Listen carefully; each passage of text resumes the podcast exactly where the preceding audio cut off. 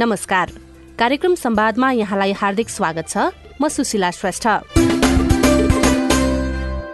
कार्यक्रम संवाद सामुदायिक रेडियो प्रसारक संघ अकोराबद्वारा सञ्चालित सामुदायिक सूचना नेटवर्क सीआईएन मार्फत देशभरि प्रसारणमा रहेका करिब तीन सय सामुदायिक रेडियोबाट सुन्न सकिन्छ।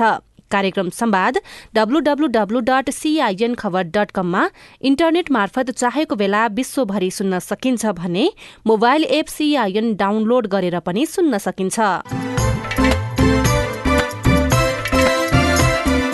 वर्ल्ड भिजन इन्टरनेशनल नेपालसँगको सहकार्यमा सीआईएनले तयार पारेको यो कार्यक्रम बाल विवाह लगायतका हानिकारक परम्परागत अभ्यासहरूको अन्त्यका लागि भइरहेका प्रयासमा केन्द्रित रहनेछ।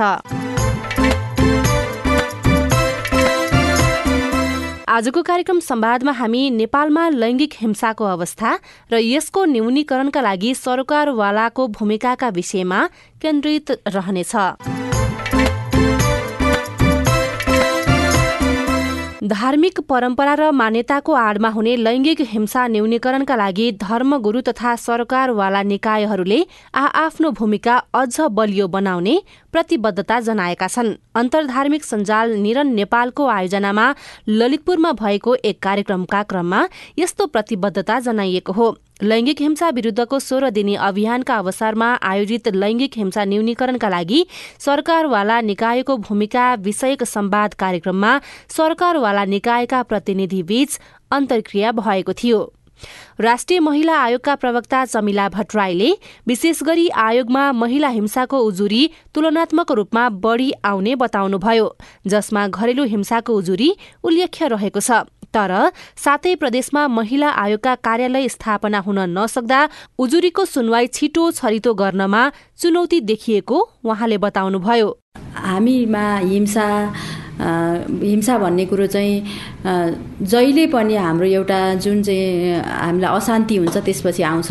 र अघि हामी सुरुमा यहाँ प्रार्थना गर्दा पनि हेरियो सबै धर्महरूको एउटै उद्देश्य के हो भने शान्ति कायम गर्नु शान्ति भएपछि समृद्धि हुन्छ त्यसपछि चाहिँ एउटा विकासको बाटो पनि आउँछ। अब यो कुरा हेर्दाखेरि हाम्रो उद्देश्य भनेको एउटै रहेछ। म महिला आयोगमा विगत एक वर्षदेखि काम गरिरहेको छु। त्यहाँ चाहिँ एकदमै डोमेस्टिक भाइलेन्सका केसहरू अति धेरै आउँछन्। त्यो कस्तो हुन्छ भन्नुहुन्छ भने कुनै कुनै त धेरै ठुलो इस्यु पनि छैन धेरै ठुलो न्यु पनि छैन। सानो तिनो झगडामा आयोगसम्मै आइपुग्नुहुन्छ। त्यसको कारण के भयो त भन्दा हामीमा शिक्षा भएन चेतना भएन। हामीमा चाहिँ एउटा हामी आफै चाहिँ एउटा आर्थिक सामाजिक रूपमा सशक्तिकरण हुन सकेनौँ। त्यो कारणले आएको हो भन्ने मलाई लाग्छ। उहाँहरूलाई काउन्सिलिङ गर्न मेरो शाखामा सोह्र सत्रजना हामी छौँ। त्यसमा अब धेरै साथीहरूले गर्नुहुन्छ अनि त्यसपछि पछि म कहाँ आइपुग्दाखेरि अनि के हो त भन्दा विषय धेरै ठुलो छैन। अब जस्तो कोही मान्छे चाहिँ अब ड्रिङ्क्स गरेर आइदिन्छ श्रीमतीलाई हेप्ने हुन्छ। कोही मान्छे अब एकदम गरिब फ्यामिलीको केटी हुन्छ धनी फ्यामिलीमा बिहा गर्छ उसले चाहिँ दाइजो ल्याएन भनेर उसलाई चाहिँ एकदम भाइलेन्स गरिराख्ने आर्थिक यातना भयो मानसिक भयो। अब त्यो त्यो घरेलु हिंसाभित्र धेरै किसिमका हिंसाहरू जोडिन्छन्। अनि मलाई कस्तो लाग्छ भने हामीहरूको उद्देश्य भनेको उद्देश्य कहाँनिर मिट भएन भन्दाखेरि त्यो एउटा हायर फ्यामिली र लोवर फ्यामिलीमा पनि मिल्ने रहेनछ।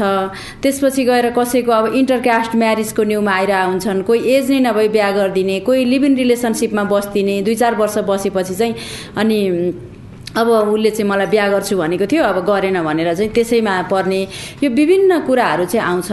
यो यो के हुन्छ त भन्दा हामीलाई चाहिँ यो धर्मको माध्यमले चाहिँ हामीलाई एउटा के कुरा सिकाउँछ भने हामी बिहानै उठ्ने बित्तिकै रेडियो सुन्छौँ टिभी हेर्छौँ हामीलाई चाहिँ राम्रो राम्रो प्रवचन आइरहेको सुन्छौँ। यो यो उहाँहरूको प्रवचनले चाहिँ हामीलाई कस्तो गाइड गरिरहेको हुन्छ भने कोही मान्छेले चाहिँ नराम्रै सोचेको रहेछ उसको क्रिमिनल्ली माइन्ड रहेछ भने पनि त्यसले शान्ति दिन्छ। मैले चाहिँ आज उठ्ने बित्तिकै राम्रो कुरा सुने भने मेरो आजको दिनभरि चाहिँ मलाई यस्तै राम्रो होस् मैले केही नराम्रो सुन्न नपरोस् भनेर हामीमा आउँछ भने यो हजुरहरूले अहिले यो जुन कार्यक्रम आयोजना गर्नुभएको छ यो धर्मगुरुहरूले भने भनिसकेपछि समाजमा एउटा चाहिँ एउटा कस्तो हुन्छ भने सकारात्मक सन्देश जान्छ।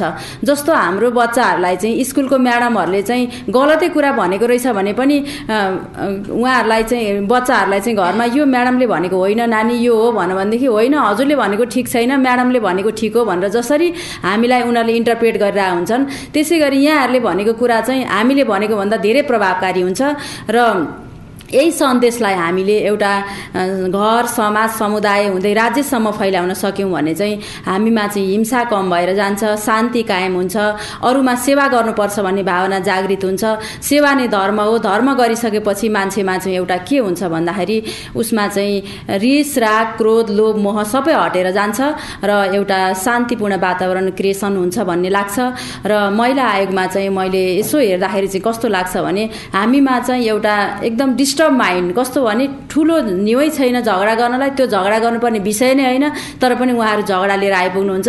यस्तो आइपुग्नुहुन्छ कि बिचमा प्रहरी नै राखेर काउन्सिलिङ गर्नुपर्छ उहाँहरू त्यहीँ हात हाल गर्न सकिहाल्नुहुन्छ एकैछिनमा। त्यसरी त्यस्तो स्थिति पनि हुन्छ। त्यो अनि उहाँहरूलाई मिलाउनलाई हरेक प्रयत्न गरिन्छ चारचोटि पाँचचोटि हामीले काउन्सिलिङ राख्छौँ तारिक दिएर पठाउँछौँ फेरि आउनु फेरि आउनु कोही कोही त मिलेरै जानुहुन्छ कोही कोहीलाई त केसमै पठाउनुपर्छ। अब लिगल एड दिएर उहाँलाई अदालत जानु अब उहाँ सम्बन्ध विच्छेद नगरी बस्न सक्दैन। सक्दिनँ भन्नुहुन्छ मलाई अंश चाहियो भन्नुहुन्छ मलाई चाहिँ उसले महिनाभरि खान पुग्ने कुरा हेर्नु पर्यो एउटा माना चामल भन्छ अहिले त त्यसलाई अलिकति उ गरेर त्यो क्षति के अरे महिनाभरि दिने भन्ने अलिक चेन्ज गरेको छ अदालतले पनि त्यो कारणले गर्दा मलाई कस्तो लाग्छ भने हामीले धर्मकै माध्यमबाट चाहिँ समाजमा रूपान्तरण गर्न सक्छौँ परिवर्तन ल्याउन सक्छौँ र यो हाम हामीले यसलाई देशैभरि अभियानको रूपमा पनि लान उपयुक्त लाग्छ मलाई। हामी महिला आयोगले पनि सातै प्रदेशमा चाहिँ यस्ता हानिकारक अभ्यास विरुद्धका कार्यक्रमदेखि लिएर युवा युवा युवतीहरूका कार्यक्रम विद्यालयका कार्यक्रम न्यायिक समितिसँग कार्यक्रम त्यसै गरी नीतिगत तहमा महिलाको पहुँच स्थापित गराउन कसरी चाहिँ सकिन्छ भन्ने लगायतका यु के अरे ज्येष्ठ नागरिकसँग भयो अनि त्यसपछि लैङ्गिक यौनिक अल्पसङ्ख्यकसँग यस्ता यस्ता कार्यक्रमहरू राखिरहेका हुन्छौँ। यसको उद्देश्य पनि हाम्रो शान्ति नै कायम गर्नु रहेको हुन्छ र यहाँहरूको र हाम्रो एउटै अभियान भएकोले यसमा साथ दिन हामी सधैँ तयार नै छौँ र यति भन्दै मेरो छोटो भनाइ अहिलेलाई यहीँ अन्त गर्दछु र पछि फेरि जोडिने नै छु। धन्यवाद नमस्कार।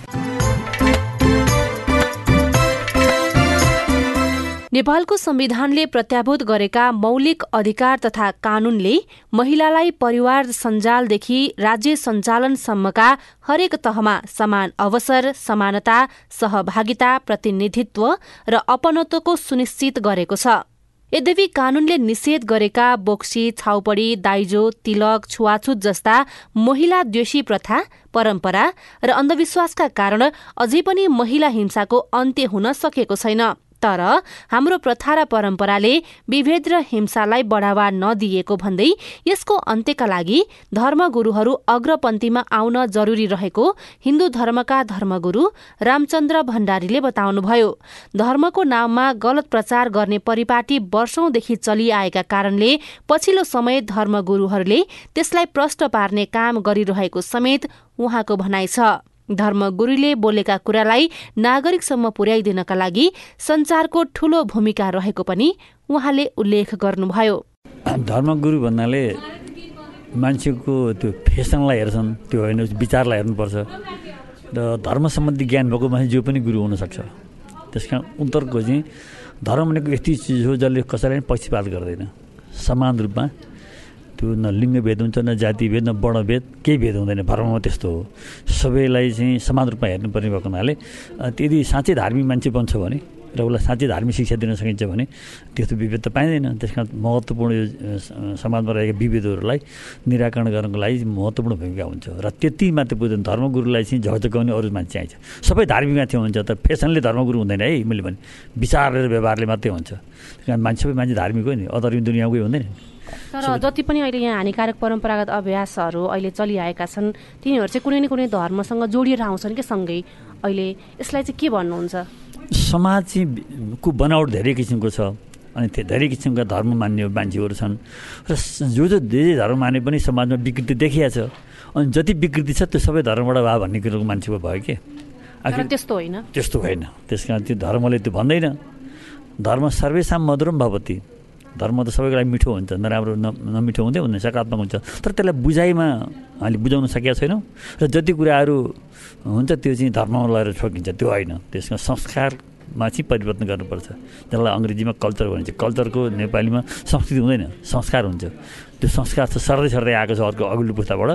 अनि त्यसलाई चाहिँ परिवर्तन गर्नुपर्छ त्यसको लागि चाहिँ सबै मान्छे लाग्नुपर्छ र धर्ममा त्यस्तो केही छैन धर्म सबै पक्ष लाग्नुपर्छ। यो सादा यो जुन किसिमको छ नि यो जुन विकृति छ विषय त्यो सादा सवाल हो हाम्रो। कुनै एउटा व्यक्तिको मात्रै होइन कुनै संस्थाको मात्रै होइन यो राष्ट्रको हो। त्यो राष्ट्रको इज्जतलाई अघि बढाउन सबै पक्ष लाग्नुपर्छ। सबै त्यति जिम्मेवारी छ। त्यो राजनीतिक पक्ष होस् सामाजिक धार्मिक पक्ष राजनीतिक सबै पक्ष जिम्मेवारी छ। तर यहाँ चाहिँ के भने यताउति कुरा गरेर धर्महरू चाहिँ धर्मलाई भन्न पाए फुत्किन्छु भन्ने छ। त्यो होइन। सबैको दायित्व हुन्छ र त्यसमा चाहिँ अब धर्मको अलिकति केही मान्छेलाई परिवर्तन गरेर धर्मको चाहिँ पहिलेदेखि पहिले चाहिँ के थियो सु दुनियाँमा भन्दाखेरि धार्मिक मान्छे नै त्यहाँ राज्य सत्तामा पुग्थ्यो माथि। जो पहिले पौराणिक काल थियो अथवा त्योभन्दा अगाडि काल थियो धार्मिक बुझेको मान्छे मात्रै त्यो राजी त्यहाँ धर्मगुरु हुन्थ्यो पुरेत हुन्थ्यो नि राजगुरु भन्थ्यो नि ऊ बुझेको मान्छे मात्रै हुन्थ्यो तर उसले अनि कुरा ल्याएपछि त्यो नियम र धर्मको रूपमा लाग्थ्यो तर अहिले त्यो छैन। धर्मगुरु भनेको फरक भइसकेको छ राजनीति फरक छ त्यो विशेष समन्वय भइरहेको छैन। त्यसले गर्दाखेरि समस्या आएको धर्म भनेको चाहिँ राजनीति रूपमै प्रयोग गर्नुपर्छ। त्यसले गर्दाखेरि यो सबै हट्छन् तर हट्दैन। धर्मगुरु भनेको काम छैन तिनीहरू त्यसै बोले भन्छन् त्यो होइन। धार्मिक अथवा राज्य बुझेको मान्छे मानवता बुझेको मान्छे संस्कार संस्कृति व्यवस्थापन बुझेको मान्छे मात्रै नेता हुन सक्यो भने उसले परिवर्तन गर्न सक्छ। तर धर्मको कुरा चाहिँ धर्मगुरुले भन्दाखेरि जति पत्याउँछन् अरू मान्छे। त्यो संस्कारमा त्यसरी आयो तर सही कुरा बताउनु पऱ्यो धर्मको चाहिँ धेरै मान्छेको आफ्नो विचार हुन्छ धर्मको बारेमा। के भन्छ धर्मले? जो मान्छे असल मान्छे जुन बाटो गयो त्यसलाई पछ्याउने धर्म भन्छ। असल बाटो महाजना ए नगता सपन्था जो ठुलो मान्छे जुन बाटो गयो जो समाजको लागि सुधार गर्ने बाटो जुन बाटो त्यो बाटो पछि नान्ने धर्म सपन्था त्यही बाटोमा लाग भन्छ धर्म त्यसरी ठाउँ ठाउँ समयअनुसार धर्मको त्यो कार्यक्रम त परिवर्तन हुँदै आएको छ। जमानामा बालविवाह थिएन। बिचमा बालविवाह भयो। किन गरे बालविवाह? भन्दा बालविवाह गर्नुपर्छ भने त्यही पछ्याए मान्छेहरूले। अब बालविवाह हुँदैन भने हामी भन्छौँ भने त्यही पछ्याउँछौँ तर अलिक समय लाग्छ। त्यसलाई केही कुरा परिवर्तन गर्न समय लाग्छ। यो पुस्तान्तरण भन्छ नि पुस्तान्तरण विचारको जस्तो एक सय वर्ष हजुरबाबुले लेखेको कुरा पलातीले गर्छ कि? मेरो हजुरबाबुले गरेको थियो भन्छ नि। त्यसलाई बिस्तारो त्यो त्यो बिस्तारै बिस्तारो त्यसलाई परिवर्तन गर्दै ल्याउनु शिक्षा दिनुपर्छ। र यसको लागि चाहिँ नेपाल सरकारले अब हाम्रो कोर्स अफ स्टडीमा राखेर पढायो भने पढाउनु तलै त राखेको भने अनि मात्रै हुन्छ। पढाउने अरू कुरै गरेको छैन। त्यस्तै मात्रै भनेर हुँदैन त्यस्तो किसिमको हो भनेर यस्तो किसिमको अधिकार हो यस्तो गर्नुपर्छ भने हामीले प्राइभेट मतलब प्राथमिक लेभलदेखि उच्चसम्म राख्यौँ भने बिस्तारो शिक्षा दियो भने परिवर्तन हुन्छ। नत्र यस्तो कार्यक्रम गरे भरमा भन्ने भएर हुँदैन उनीहरूलाई शिक्षा दिनुपर्छ। तर एक सय नम्बरको मैले भनेको थिएँ एक सय नम्बरको कोर्स राखेर पढाउनुपर्छ जसले गर्दा उनीहरूले पढुन्। र दुनियाँमा पढ्न लागिसके नेपालको गीता पढ्न लागि महाभारत दुनियाँमा पढ्न लागि चाहिँ हामी यहाँ पढ्दैनौँ। यो पढ्यौँ भने त्यो मान्छेको एकदम मान्छे मान्छे भन्छ कि गीता त्यस्तो चिज हो। अब पहिले गीता पढ्दाखेरि मान्छे बौलाउँछ भन्न लाग्यो त्यो होइन। गीता पढेपछि मान्छे ज्ञानी हुने रहेछ। अनि अरूसँग नमिल्ने भएको हुनाले बौलाउँछ भनेर भएर यस्ता किसिमको अर्थ लगायो त्यो होइन। त्यो ज्ञान यति राम्रो ज्ञान छ मानव दर्शनको बारेमा। त्यो राम्रो त्यो पढ्नु जरुरी छ मानव अधिकारको बारेमा मानव दर्शनको बारेमा मानव सभ्यताको बारेमा मानव संस्कृतिको बारेमा। राजनीतिक बारेमा कस्तो किसिमको कुटनीति हुँदैन। वास्तविक धर्म बुझ्ने मान्छेले हिंसा गर्दैन भन्ने हो। गर्दैन गर्दैन। तपाईँ अहिले साप्ताहिक रेडियो कार्यक्रम संवाद सुनिरहनु भएको छ। वर्ल्ड भिजन इन्टरनेशनल नेपालसँगको सहकार्यमा सीआईएनले तयार पारेको यो कार्यक्रम बालविवाह लगायतका हानिकारक परम्परागत अभ्यासहरूको अन्त्यका लागि भइरहेका प्रयासमा केन्द्रित रहेको छ। लैंगिक हिंसा अन्त्यको लागि क्रियाशील सरकारी निकाय सामाजिक संघ संस्था नागरिक समाज तथा महिला अधिकार कर्मीहरू केन्द्रमा मात्रै सीमित भएर हिंसा न्यूनीकरण नहुने भन्दै हिंसा न्यूनीकरणका लागि ग्रामीण समुदायमा पनि अभियान सञ्चालन गर्न आवश्यक रहेको ललितपुर महानगरपालिकाका महिला विकास महाशाखा प्रमुख महेश्वरी विष्टले बताउनुभयो। हाम्रो कल्चरले हाम्रो कल्चरले हाम्रो धार्मिक ग्रन्थमा छैन छैन छैन भन्छौँ तर व्यवहार हेर्नुहोस् न। डरलाग्दो छ क्या व्यवहार चाहिँ। महिलालाई कजाउनु पर्छ महिला महिलालाई बसमा राख्नुपर्छ भन्ने सोचले नै बिहा गर्ने परम्परा रहेछ है? त्यस्तै गरेर चाहिँ अरू परम्परा छ। हामी छैन भन्छौँ। म त म त के भन्छु भने हामीसँग भएको फोहोरलाई कोट्याउँ के? एकचोटि गनाउँछ बरु केही फरक पर्दैन। सफा गरौँ त्यसपछि निको पारौँ। हामीले छैन छैन छैन भनेर माथिबाट थोपार्ने काम चाहिँ नगरौँ। किनभने त्यो कुरा मैले ललितपुर महानगरपालिकामा देखेको छु।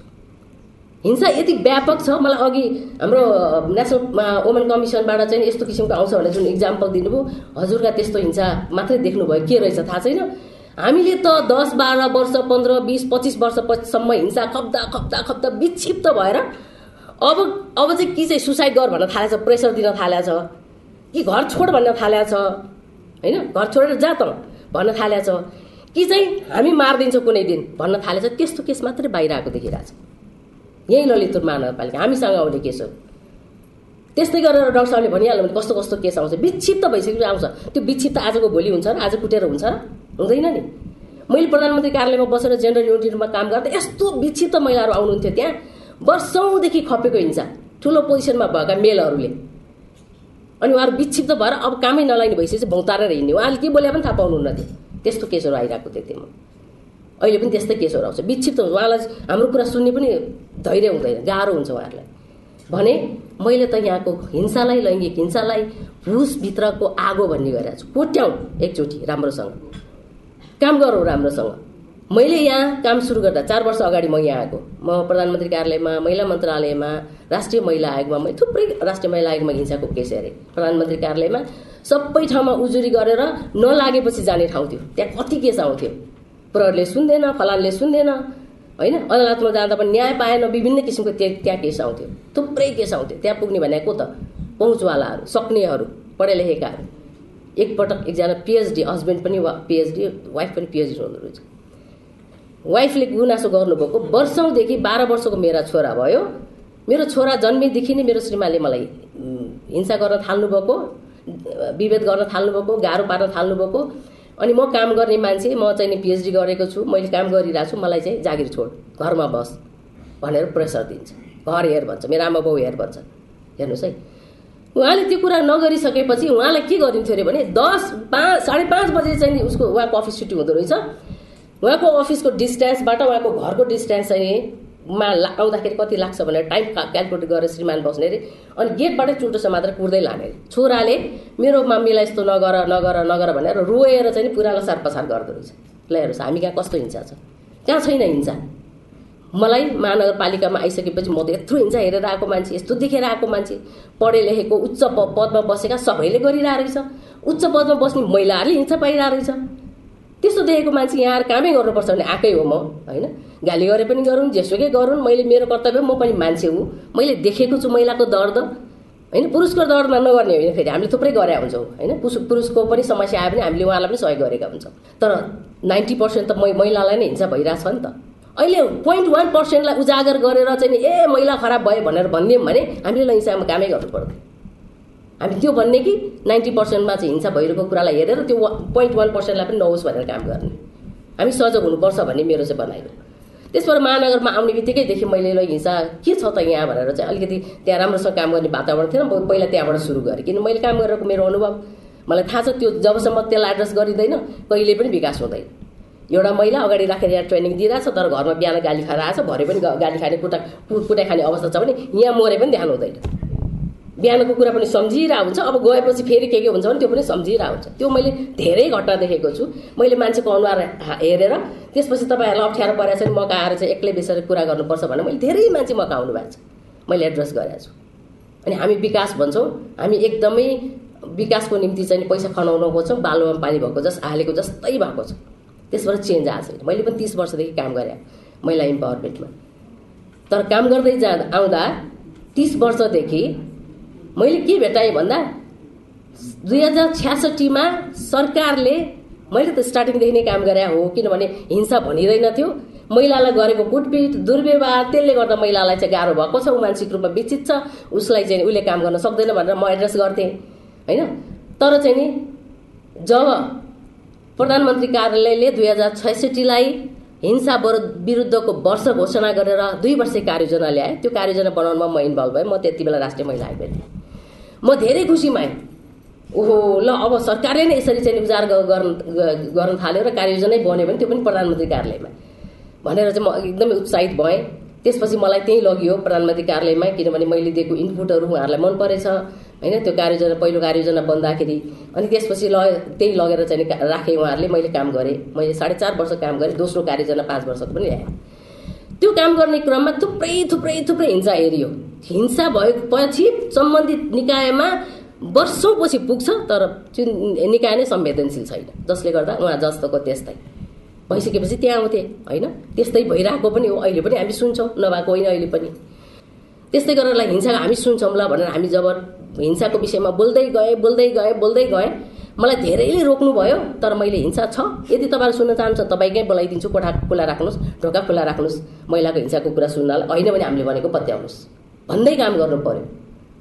गर्दा गर्दा मलाई महिलाहरूले पनि केही महिलाहरूले पनि कुरा नगर्नुहोस् म्याडम यहाँ बेकारमा हिंसा होइन। हामी त एकदम उद्यमशीलतामा जानुपर्छ हामी त कमाउनुपर्छ।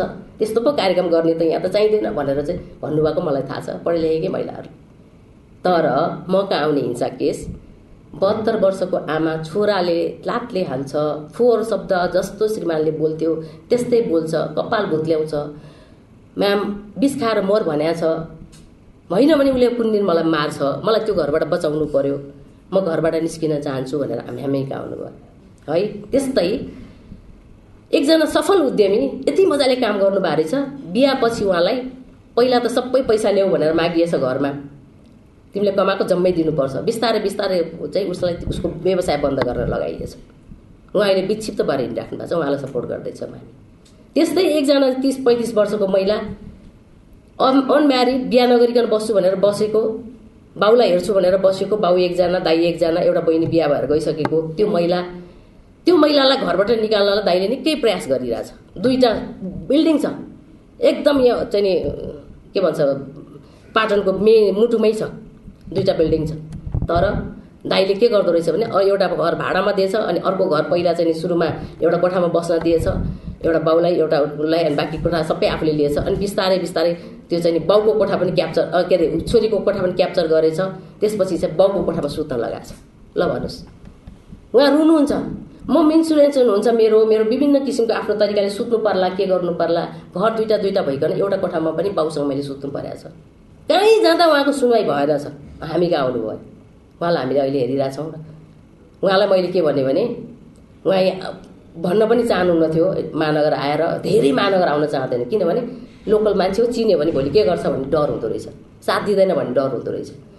अनि उहाँलाई उहाँलाई चाहिँ र त्यसमा यहाँ तपाईँ सुन ओसिएमसी पनि जान मान्नु भएन प्रहरीकाइन जानु मान्नु भएन न्यायिक समितिमा केस हाल्नुहोस् भन्दा पनि मान्नु भएन मेयर साहबका जानुहोस् भनेर उपाय देखाए पनि मान्नु भएन वडाका जाँदा मेरो सुनिएन भनेर भन्नुभयो उहाँले अब कहाँ जाने त के गर्ने त भनेर चाहिँ हामी त्यसमै राष्ट्रिय महिला आयोगमा जानुहोस् न त कहीँ पनि जान मान्नुहुन्न त्यहाँ जानुहोस् न त भन्दा के भन्नुभयो उहाँले त्यो राष्ट्रिय महिला आयोग भनेको के हो कहाँ छ भनेर भन्नुभयो मैले सिंहदरा भद्रकालीमा छ भने भद्रकाली कहाँ हो भन्नुभयो सिंहदरा अगाडि छ भने त्यो सिंहदरा भने कहाँ छ भन्नुभयो ल हेर्नुहोस् पैँतिस वर्षको महानगरको पैँतिस वर्षको यङ मान्छेको हालत यस्तो छ।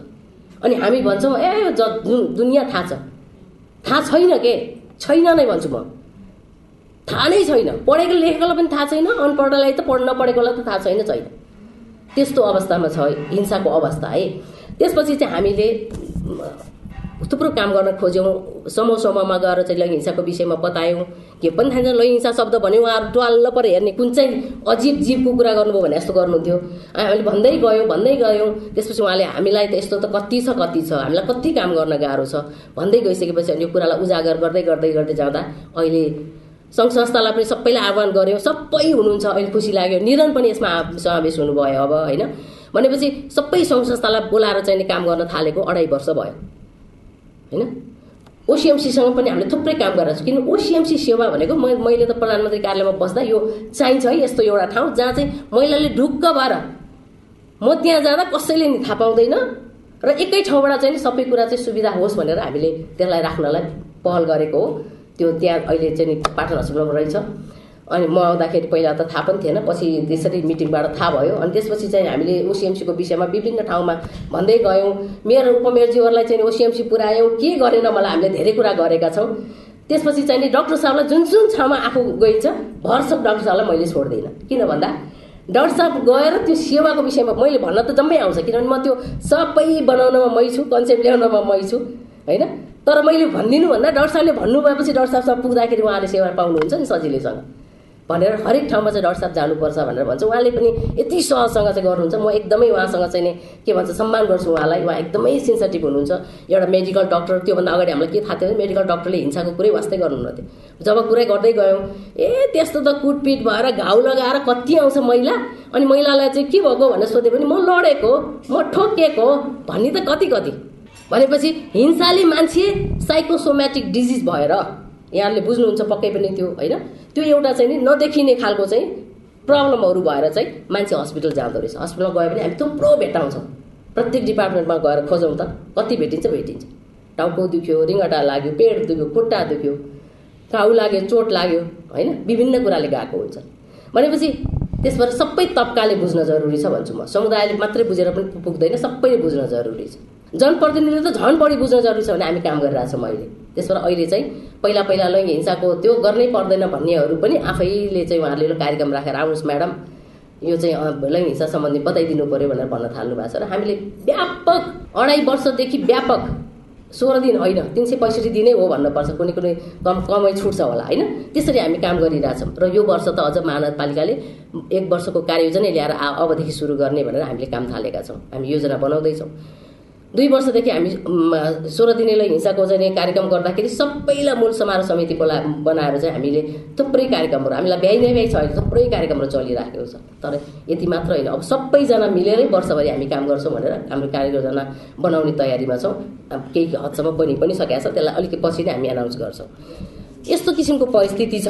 त्यसले गर्दाखेरि चाहिँ नि अब मिडियाको रोल भन्नुहुन्छ भने कति होला त? अहिले त मिडियासँग हामी निकै काम गरिरहेको छौँ। दिपक सरलाई म अनुरोध गर्छु आउनु सर के अरे मिडियाको साँच्चै भनौँ भने हामीले गरेका काम पनि बाहिर ल्याइदिनु भयो भने थाहा हुन्छ। ओसिएमसीको विषयमा लेखिदिउँ ओसिएमसीको विषयमा लेखिदिउँ भने पनि त्यो एकदमै छटपट्टि भएर बसेका महिलाहरू त्यहाँ सेवामा जान सक्नुहुन्छ। त्यस्तै गरेर चाहिँ विभिन्न सङ्घ संस्था अन्तिममा पुग्ने ठाउँ भनेको राष्ट्रिय महिला के अरे राष्ट्रिय चाहिँ मानव अधिकार आयोग हो। त्यहाँसम्म पनि पुग्न सक्ने चाहिँ हैसियत बनाइदिनुपर्छ महिला दिदीबहिनीहरूको। मौका आउनुभएको? कतिजनालाई यहाँ काम गरेर पुग्दैन के? यस्तो भइसक्यो हुन्छ कोही कोही त यति त्यो क्रोनिक भइसक्यो हुँदो रहेछ त्यो इस्युहरू त। उहाँलाई मैले कहिले काहीँ त ल प्रधानमन्त्री कार्यालयमा यो शाखा छ त्यहाँ एघार एघार चाहिँ के अरे हिंसा पनि सुन्छ त्यहाँ। हेलो सरकारमा फोन गर्नुहोस् या लेखेर दिनुहोस् राष्ट्रिय महिला आयोगमा जानुहोस् फलानु ठाउँमा जानुहोस् भनेर हामीले यति बाटो देखाउँछौँ यति बाटो देखाउँछौँ नि। निराश भएर आउनुभएकोहरू अनि त्यसपछि अलिकति आशावादी भएर फर्केर हुन्छ र त्यो ठाउँमा कुद्नुहुन्छ। अनि उहाँहरूले चाहिँ आफ्नो समस्यालाई समाधान गर्न कोसिस गरिराख्नु भएको छ। त्यस्तै सङ्घ संस्थाहरूले पनि थुप्रै त्यस्ता चाहिँ कार्यक्रम राख्नु भएको छ। अहिले हामी एउटा पोस्टर बनाएका छौँ होइन? जुन पोस्टरमा सेवा सुविधा कहाँ कहाँ छ भनेर चाहिँ हामीले त्यहाँ चाहिँ फोन नम्बर दुई तिन वर्षदेखि गरिरहेछौँ त्यो। त्यो प्रत्येक चाहिँ धेरै पब्लिक भिड हुने ठाउँमा हामीले त्यसलाई राख्न खोजिरहेका छौँ पहिला राख्यौँ पनि अब फेरि पनि प्रत्येक वार्डमा पनि राख्न खोजिरहेको छौँ वार्डको सबै महिलाहरू सदस्यहरूलाई हामीले चाहिँ भर्खरै मात्रै पनि एउटा अन्तर्क्रिया गऱ्यौँ। उहाँहरूलाई पनि धेरै थाहा नभएको कुराहरू थाहा भयो। मान्छेले महिला भएपछि थाहा पाएको हुन्छ भन्ने कुरा सोचेको हुन्छ। छैन। महिला आफैले बुझ्नु भएको छैन हिंसा के हो? त्यसले गर्दाखेरि अर्को संवेदनशीलता छैन। मेरो ड्युटी त अर्कै भन्ने बुझ बुझेको हुन्छ। मेरो ड्युटी त यो यसमा अलमलिने होइन भन्ने बुझेको हुँदो रहेछ। हामी सबैले मानव भएको कारणले गर्दा समाजमा बसेको कारणले गर्दा यो हटाउन सक्यौँ भने त्यसपछि बल्ल समृद्धि होला। महिला पनि पुरुष जत्तिकै काम गर्न चाहिँ सक्षम होला बाहिर निस्किन सक्षम होला कमाउन सक्षम होला चेतना विकास होला। त्यसपछि मात्रै चाहिँ त्यो समृद्धि पछि मात्रै सुख आउने हो। खोजेको चाहिँ आखिर हामीले समृद्धि र सुख हो नि। तर त्यसको ब्यारियर चाहिँ हामीले बुझेनौँ भन्ने लाग्छ मलाई अझै पनि। होइन पहिलादेखि काम भएर पनि बाह्र चौध वर्षदेखि काम भयो। सरकारले आफैले चाहिँ काम गर्यो पनि काम गर्न पुगेको छैन। किनभने यही महानगरको हालत यस्तो छ। सिंहदरबारको छेउमा भएर अनि अरू चाहिँ दुर्गम एरियाको कस्तो होला भन्ने लाग्छ। त्यति भन्दै हामी सँगै काम गरौँ। आउनुहोस् महानगरसँग पनि के के काम गर्न सकिन्छ। हामीले वार्षिक कार्ययोजना बनाउँदैछौँ। वार्षिक कार्ययोजनाभित्र यहाँहरू हाम्रो हामी पनि यो गर्छौँ भनेर आउनुभयो भनेदेखि सँगै काम गर्न सकिन्छ। र पक्कै पनि केही न केही त दुई चार वर्षमा होला नि। यो सँगै कार्यक्रम संवादको निर्धारित समय सकिने लागेको छ। आजको विषयवस्तु तपाईँलाई कस्तो लाग्यो? बाल विवाह लगायत हानिकारक परम्परागत अभ्यासहरूको अन्त्यका लागि तपाईँको केही अनुभव पो छन् कि? हाम्रो टेलिफोन नम्बर शून्य एक बाहन्न साठी छ चार छमा फोन गरेर तपाईँ आफ्नो अनुभव तथा सल्लाह सुझाव जिज्ञासा एवं प्रतिक्रिया रेकर्ड गराउन सक्नुहुन्छ। साथै तपाईँले हामीलाई हाम्रो Facebook page community information network सिआइएनमा गएर पनि आफ्ना कुरा लेख्न सक्नुहुनेछ। हामी तपाईँको प्रतिक्रिया पर्खिरहनेछौ। वर्ल्ड भिजन इन्टरनेसनल नेपालसँगको सहकार्यमा सिआइएनले तयार पारेको कार्यक्रम सम्वादबाट प्राविधिक साथी सुरेन्द्र सिंहसँगै म सुशीला श्रेष्ठ पनि विदा हुन्छु। नमस्कार।